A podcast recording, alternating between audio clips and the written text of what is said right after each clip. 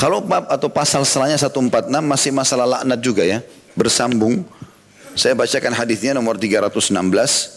Kata Imam Bukhari rahimahullah, Sa'id bin Abi Maryam mengabarkan kepada kami, ia berkata, Muhammad bin Ja'far mengabarkan kepada kami, ia berkata, Zaid bin Aslam mengabarkan kepadaku dari Ummu Darda radhiyallahu anha, An Abi Darda radhiyallahu anhu qala qala an-nabiy sallallahu alaihi wasallam innal la'anina la yakununa yaumal qiyamati syuhada wala syufa'a dari Abu Radha, radhiyallahu anhu ia berkata, Nabi Shallallahu Alaihi Wasallam bersabda, sesungguhnya pada hari kiamat kelak orang-orang yang suka melaknat tidak akan menjadi syak, tidak akan menjadi saksi di sini ya.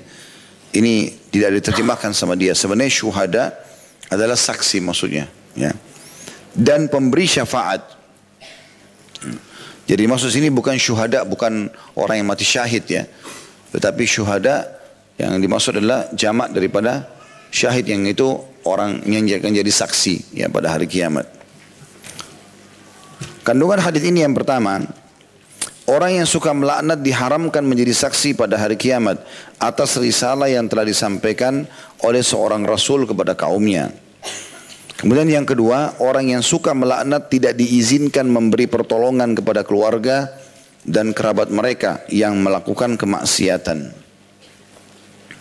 Hadis ini hadis mulia tentunya menjelaskan tentang kalau tadi menyebutkan hadis sebelumnya tentang kondisi orang yang suka melaknat di dunia, arti akan mendapatkan respon yang sama, suka doakan orang keburukan, suka jahat, maka akan respon yang sama dari orang-orang. Kalau ini adalah hukuman di akhirat hukuman di akhirat. Ada dua hal besar yang Allah subhanahu wa ta'ala berikan kepada umat Muhammad SAW pada hari kiamat. Yang pertama mereka jadi saksi terhadap umat-umat yang lain. Sebagaimana nanti disebutkan atau salah satunya disebutkan dalam hadis yang sahih bahwasanya Nuh alaihissalam akan didatangkan pada hari kiamat. Kemudian Allah berfirman kepada Nuh atau berkata kepada Nuh, begitu juga dengan kaumnya. Hai Nuh, apakah kau sudah menyampaikan risalah yang sudah aku bebankan kepadamu? Nuh mengatakan iya. Lalu Allah SWT tanya kaumnya yang kafir yang Allah tenggelamkan, apakah Nuh sudah sampai kepada kalian dan menyampaikan risalah dariku? Mereka mengatakan tidak. Gitu kan? Lalu Allah SWT bertanya kepada Nuh, siapa yang akan jadi saksimu? Maka berkatalah Nuh AS, Muhammad dan kaumnya atau Muhammad dan umatnya. Maka kita pun didatangkan bersama Nabi SAW lalu kita semua memberikan kesaksian bahwasanya memang Allah telah menurunkan surah dalam Al-Quran namanya surah Nuh. Ada juga surah Al-Anbiya yang menceritakan tentang Nabi Nuh pernah menyampaikan risalah 950 tahun, kaumnya menolak, lalu terjadilah banjir besar, bagaimana anaknya Nabi Nuh Kanaan juga tenggelam dan seterusnya gitu kan. Maka kita akan jadi saksi hari kiamat dan hampir semua umat-umat yang memungkiri tentang risalah nabinya kita akan menjadi saksi pada hari kiamat dan ini khusus untuk orang yang lisannya suka mendoakan keburukan tidak ikutan di sini. Dipisahkan dari umat Muhammad sallallahu alaihi wasallam. Ya, dan ini tentu kebanggaan sendiri pada hari kiamat.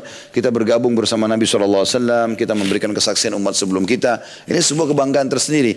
Tapi mereka akan disendirikan karena lisannya suka mendoakan keburukan. Ya. Yang kedua diberikan kepada umat Muhammad SAW adalah memberikan syafaat, pertolongan. Ya, kalau seandainya seseorang di antara kita dan insya Allah kita termasuk itu memiliki amal yang besar, misalnya amal solehnya banyak, Allah kabulkan, Allah terima semua amalnya, misal dia punya satu juta amal, gitu kan. Dosa dia mungkin cuma satu, dua, seratus, ribu, maka dia masuk surga gitu kan. Nah selisih antara dosa dia dengan pahalanya, misal pahala dia satu juta, dosanya cuma seribu, masih banyak ya kelebihan pahala dia. Dia boleh memberikan syafaat keluarganya sejumlah kelebihan pahala dia. Tapi bukan diberikan kepada kerabatnya, nilainya saja. Berarti kalau ada ibunya butuh seribu pahala bisa dibantu sama dia. Tapi bukan dikasih pahala ke ibunya. Hanya Allah subhanahu wa ta'ala memberikan dia kesempatan memberikan syafaat sesuai dengan kelebihan pahalanya dia. Gitu kan. Kalau ada ayahnya butuh tiga ribu dibantu sama dia tiga ribu dan seterusnya. Sampai nilai pahala itu selesai. Maka dia tidak bisa bantu lagi. Gitu kan. Itu namanya syafaat. Ada orang bisa memberikan syafaat satu orang, ada yang bisa memberikan syafaat dua orang, ada bahkan dari umat Muhammad SAW yang bisa memberikan syafaat sampai seratus ribu orang. Kata Nabi SAW sesungguhnya dalam hadis sahih akan ada dari umatku yang memberikan syafaat pada hari kiamat seperti suku Mudar. Suku Mudar ini suku yang jumlahnya di atas seratus ribu orang. Karena banyaknya amal solehnya sampai banyak orang yang dia bisa selamatkan. Dengan dia membantu akhirnya orang-orang pada selamat masuk ke dalam surga ya. Itu namanya syafaat. Nah khusus untuk orang yang suka melaknat, walaupun amalnya banyak, maka tetap saja tidak bisa memberikan pertolongan kepada kerabat-kerabat dia. Makanya disebutkan di sini manfaat atau kandungan hadis yang kedua orang yang suka melaknat tidak diizinkan memberikan pertolongan kepada keluarga dan kerabat mereka yang melakukan kemaksiatan. Tidak bisa saja butuh bantuan, tapi kita tidak bisa membantu naudzubillah karena justru melaknat. Jadi semoga kita termasuk orang yang tentu jauh dari sifat laknat ini dan juga punya amal soleh yang banyak sehingga kita bisa membantu kerabat-kerabat dan orang yang kita kenali tentunya. Hadis selanjutnya nomor 317. Imam Bukhari berkata rahimahullah Abdul Aziz bin Abdul bin Abdullah mengabarkan kepada kami ia berkata Sulaiman bin Bilal mengabarkan kepada kami dari Al-Ala dari ayahnya an Abi Hurairah radhiyallahu anhu qala qala Nabi sallallahu alaihi wasallam la yanbaghi lis-siddiqi an yakuna la'ana dari Nabi dari Abu Hurairah radhiyallahu anhu dari Nabi sallallahu alaihi wasallam orang yang siddiq kata Nabi SAW atau membenarkan imannya dengan amal tidak pantas menjadi seorang pelaknat. Penjelasan penjelasan hadisnya adalah celaan atas sikap suka melaknat dan orang yang jujur tidak dibolehkan melaknat orang lain karena kedudukannya yang tinggi yaitu berada di bawah kedudukan para nabi pada hari kiamat nanti. Kesimpulannya tentunya adalah tetap sama dengan sebelumnya tadi orang mukmin tidak boleh melaknat jadi biar orang itu kelihatannya bercahaya wajahnya, tiap hari bersedekah, baca Quran, tapi kalau lisannya suka menghina orang lain, maka percuma saja. Ini sesuai dengan hadis yang pernah kita pelajari ya. Ada seorang sahabat berkata kepada Nabi SAW di masjid. Kebetulan ada dua orang wanita di Madinah menjadi buah bibir orang pada saat itu. Yang satu, kata kata seorang sahabat, ya Rasulullah, fulana, tidak disebut namanya, karena memang sunnah Nabi tidak menyebutkan nama orang. Kita cuma bilang ada orang begini misalnya. Dan sahabat sudah tahu siapa yang dimaksud sebenarnya. Nabi SAW juga sudah tahu. Mengatakan tidak pernah ketinggalan sholat malam. Tidak pernah ketinggalan puasa di siang hari. Jadi selalu luar biasa ibadahnya. Tetapi lisannya tajam, menyakiti tetangganya. Kata Nabi SAW, La khaira fiha hiya finnar. Gak ada kebaikannya wanita itu, pasti masuk neraka. Padahal selalu sholat malam, selalu puasa. Karena buruknya lisannya suka mencaci maki orang, melaknat di sini, maka akhirnya masuk neraka. Lalu kata sahabat tersebut, ya Rasulullah, ada fulana juga, ada wanita lain di Madinah. Sesungguhnya tidak terkenal dengan ibadahnya. Dia sholatnya iya, tapi tidak seperti yang pertama. Ya, puasanya juga iya, tapi tidak seperti yang pertama. Cuma orangnya tidak pernah nyakiti orang dengan lisan yang lain. Eh, tidak pernah nyakiti orang dengan lisannya. Kata Nabi SAW, kebaikan ada padanya dan dia masuk surga. Dan dia masuk surga. Jadi pentingnya di sini sebagaimana kita bilang tadi sebelumnya menggabungkan antara amal-amal ibadah yang kita kerjakan dari sholat, dari puasa, dari sedekah, dari haji dengan juga menjaga akhlak kita. Dan tolak ukur akhlak bisa dilihat dari lisannya seseorang. Kalau lisannya suka mengucapkan kalimat-kalimat buruk, menjatuhkan orang lain, gosipin orang lain berarti percuma saja. Ya, karena akan ada dosa-dosa yang berat yang dia dapatkan yang nanti bisa berimbang dengan amal solehnya. Tapi yang benar adalah orang mukmin mereka selalu jauh daripada sifat-sifat seperti ini, laknat dan seterusnya. Ya, sudah kita jelaskan panjang lebar dari awal materi tadi. Kemudian di sini Nabi SAW menyebutkan tentang masalah siddiq. Siapa siddiq itu? Ya, di antara sahabat Abu Bakar mendapatkan julukan siddiq. Di situ dalam kurun dijelaskan maknanya membenarkan imannya dengan amal. Artinya sudah beriman dengan keenam rukun iman, lalu dia sibukkan mengisi hisab umurnya dengan amalnya. Kelima rukun Islam dan yang wajib dan juga diikuti dengan sunnah-sunnahnya. Dan itu semua dilakukan dengan kepercayaan dan keyakinan. Itu namanya siddiq. Makanya Abdullah bin Mas'ud berkata radhiyallahu anhu, kami tidak ada bedanya sama Abu Bakar dari sisi solat. Karena Abu Bakar solat kami solat dari sisi puasa. Abu Bakar puasa kami puasa.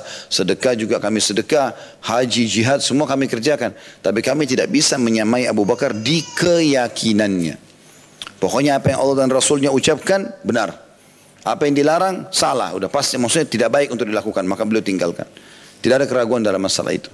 Makanya pada saat uh, mati atau meninggalnya Nabi SAW, muncul kelompok orang-orang menolak zakat. Waktu itu Abu Bakar jadi khalifah, gitu kan. Kemudian Abu Bakar langsung membentuk pasukan akan menyerang, ya, menyerang orang-orang menolak zakat ini. Mereka tidak mau lagi bayar. Jadi mereka mau hapus rukun Islam tidak lagi zakat. Jadi tinggal empat rukun Islam.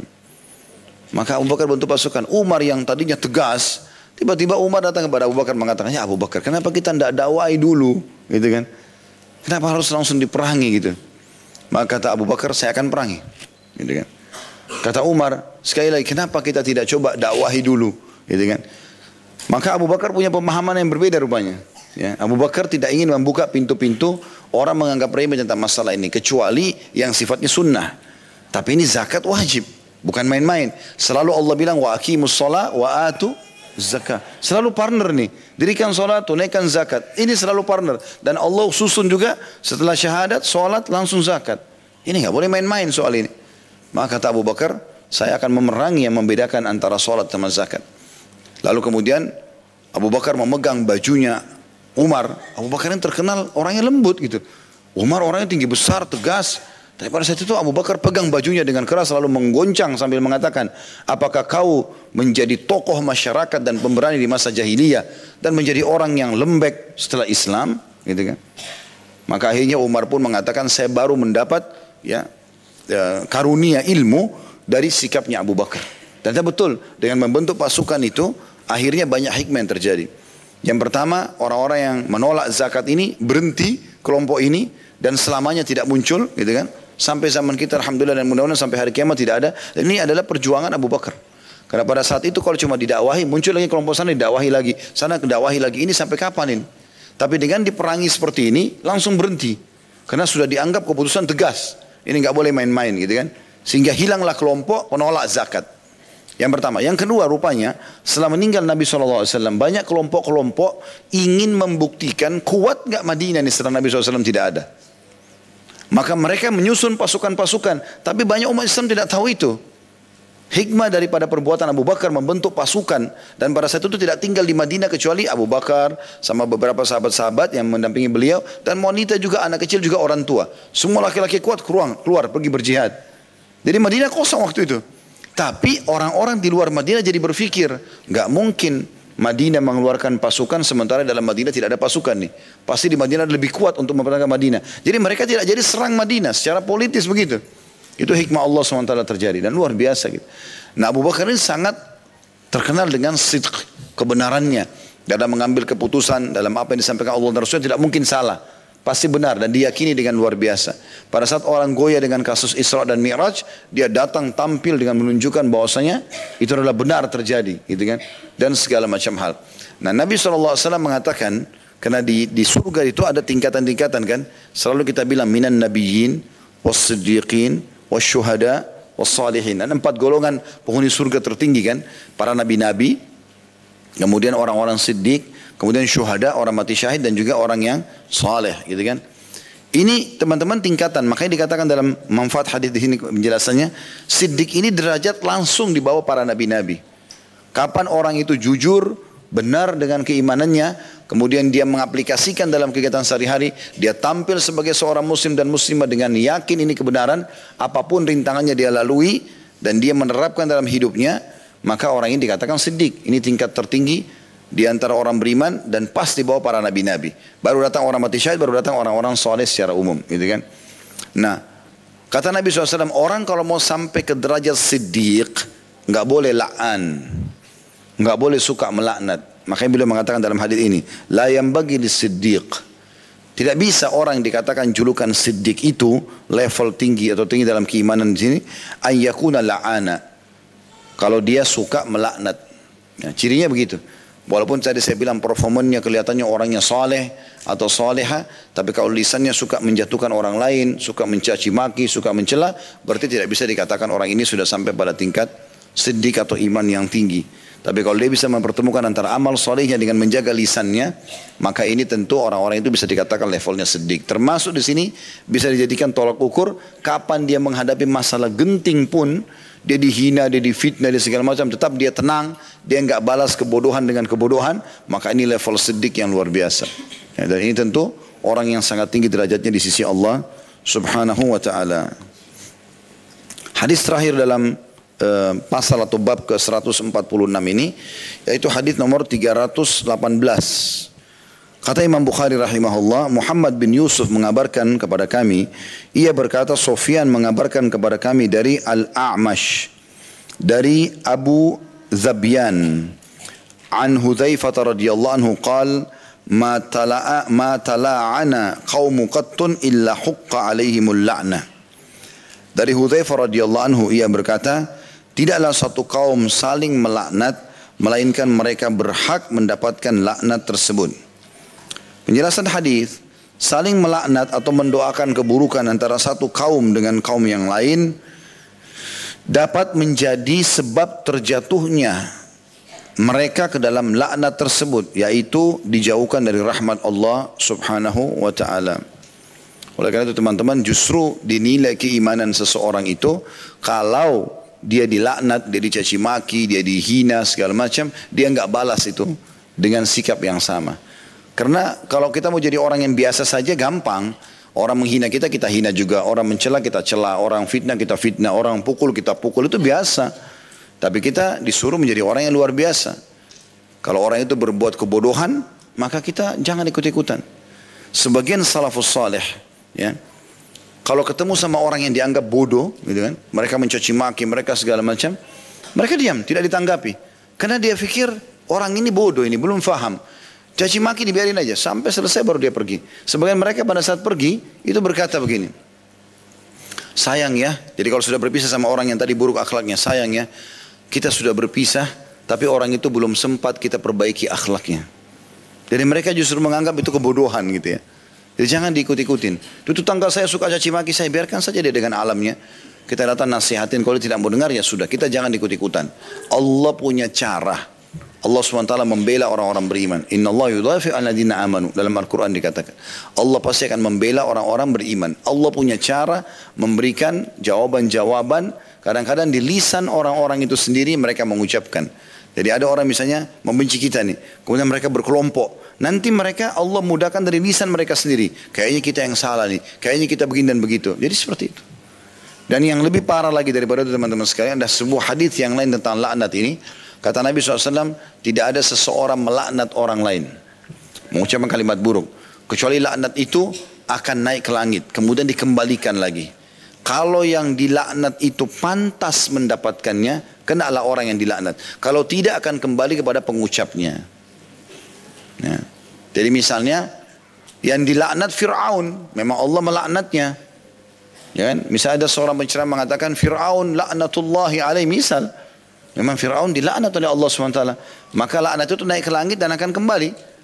Akan Allah SWT berikan kepada Fir'aun walaupun dia sudah mati. Ya seperti didoakan keburukan gitu kan. Atau iblis laknatullah alaih misal gitu kan. Maka itu bisa saja. Tapi kalau hanya tetangganya, suaminya, istrinya gitu kan. Ini tidak baik, jangan diucapkan. Di Indonesia sih tidak pernah diucapkan, tidak pernah digunakan kalimat laknat ya. Tapi terjemahnya lebih dekat adalah doa buruk. Seperti itulah doa-doa keburukan. Kalau orang Arab terang-terangan ngomong, gitu kan. Saya pernah waktu masih mahasiswa itu kadang-kadang saya dengar karena ngerti bahasa mereka. Kalau lagi bercanda sama temannya, Allah ya la'anak. Semoga Allah melaknatmu. Padahal bercanda sama temannya. Ini bahaya sekali, gitu kan. Nah, iya. Bercanda aja begitu. Biasa, itu biasa ada orang ucapin. Tapi ini mereka tidak faham hukum ya. Jangan berarti orang Arab lalu dianggap faham hukum semua. Tidak. Abu Jahal, Abu Lahab orang Arab masuk neraka gitu. Ya. Walaupun juga ada Abu Bakar sama Umar orang Arab yang ahli surga gitu kan. Ya, karena ada orang begitu karena jemaah saya Ustaz, kenapa ya di Mekah ini kita kan sudah belajar tata cara sholat sesuai dengan sunnah. Ada orang sholatnya masih ngawur gitu. Lain, ya bukan itu tolok ukur. Walaupun dia orang Arab dia bisa saja salah gitu kan. Apa Bapak Ibu sudah tahu di Mekah ada orang tinggal di Mekah belum pernah haji. Ada. Ada. Ada orang tinggal di Mekah nggak pergi sholat ke Masjid Haram. Ada. Saya pernah diantar oleh seorang penduduk Mekah. Ya, begitu turun di Masjid Haram, bisa dia parkir dia sholat. Enggak, diturun, di, di drop langsung dia pergi. Karena dia bisa sholat di situ. Tapi ada orang begitu, hidayah. Kita bersyukurlah kepada Allah SWT kalau Allah berikan kepada kita gitu kan. Jadi bukan itu jadi tolok ukurnya gitu. Ya, itu kekeliruan kekeliruan terjadi ya. Allahu alam. Karena pernah juga sekali begitu. Istri saya pernah masuk di masjid, sholat di masjid Nabawi. Kemudian habis sholat, dia tanya saya. Dia bilang, memang orang kalau sholat boleh jawab telepon. Saya bilang nggak boleh. Kenapa? Tadi ada satu orang sholat gitu. Pas lagi sholat bunyi handphonenya diangkat sama dia. Sebentar ya saya lagi sholat. ya batal gitu kan. Tapi kalau orang ambil oh di Masjid Nabawi mungkin betul itu kan bisa dihukum kan gitu. Itu salah. Tidak semuanya apa yang dilihat di sana kalau salah secara agama salah. Gitu kan? Tidak boleh kita benarkan. Itu contoh-contoh saja. Jadi di sini lebih luas lagi hadis Hudzaifah radhiyallahu anhu kalau satu orang kepada orang lain sudah cukup kena laknat itu kembali kepada salah satunya. Kalau satu kaum lebih banyak lagi. Ya, makanya teman-teman redam ya. Kalau lagi punya masalah sama seseorang, ini pernah saya berbagi poin ini. Kalau kita punya masalah sama satu orang, fokus ke satu orang itu saja. Tidak usah bawa-bawa keluarganya, gitu kan? Kan begitu pernah saya bilang ya, masih ingat. Jadi saya dia ribut sama istrinya. Misalnya dia bilang, kenapa kok kamu nggak belajar gini misal. Tapi ada orang nggak, memang orang tuamu nggak didik kamu. Orang tuanya dua orang loh, ibu sama ayahnya. Berarti sekarang dia punya musuh tiga. Ya. Memang keluargamu itu. Kalau keluarganya 300 orang, hmm? memang kau dari negara yang begini dan begitu. Nah, misalnya ada orang orang dari luar Indonesia nikah sama orang Indonesia, dia marah sama istrinya misalnya, dia bilang memang orang Indonesia itu 200 juta lebih dia harus minta maaf. Nah, jangan main-main itu. Satu orang satu orang saja fokus, tidak usah bawa-bawa sukunya, keluarganya, negara nggak usah. Karena bahaya. Itu kan seperti mengucapkan masuk dalam bisa makna laknat mendoakan keburukan, menyala-nyalakan orang caci maki kan bahaya. Jadi nggak usah. Satu orang, satu orang itu pun hikmah dalam syariat kita adalah fokus kepada kesalahan yang satu. Misal pasangan kita buat satu kesalahan, ya itu aja yang diperbaiki. Nggak usah semua diobok-obok gitu. Ya. Semua yang jadi salah, kayak tidak ada kebaikannya. Makanya kata Nabi SAW, tidak layak bagi seorang laki-laki mukmin membenci istrinya yang mukminah. Kalau dia mendapatkan satu kekurangan, dia bisa dapat kelebihan di sifat yang lain. Karena manusia tidak semuanya sempurna gitu kan. Justru yang kurang itu kita bantu dia supaya keluar dari kekurangan tersebut. Itu contoh saja. Maka hati-hati karena di sini dikatakan tidak ada ya penjelasan hadis ya. Maaf dalam hadisnya Hudzaifah berkata radhiyallahu anhu tidaklah satu kaum saling melaknat makin banyak orang melainkan mereka berhak mendapatkan laknat tersebut. Malah kembali kepada mereka semua. Jadi jangan karena hanya mau memberikan dukungan kepada orang yang kita cintai lalu kemudian kita tidak mau tahu dia salah atau dia benar ikut-ikutan mencaci maki gitu kan? Ini hati-hati mencaci maki pasangan teman kita yang kebetulan dia lagi curhat tentang pasangannya atau tentang pekerjaannya atau tentang kantornya. Kita tidak tahu apa-apa hanya karena kepedulian terhadap teman atau siapa yang sedang kita hadapi sekarang bicara lalu kita ikut-ikutan melaknat atau mencaci maki ini berbahaya sekali ada orang begitu panen dosa tanpa tanpa dia lakukan untuk apa hanya menunjukkan kepedulian sama orang jangan ikut-ikutan Bukan urusan kita, tutup kuping, pergi saja, nggak usah ikutin. Ya, kecuali memang betul-betul kita ahlinya, kita harus memecahkan, membantunya itu boleh. Kalau enggak, nggak usah. Ya, Allahu a'lam.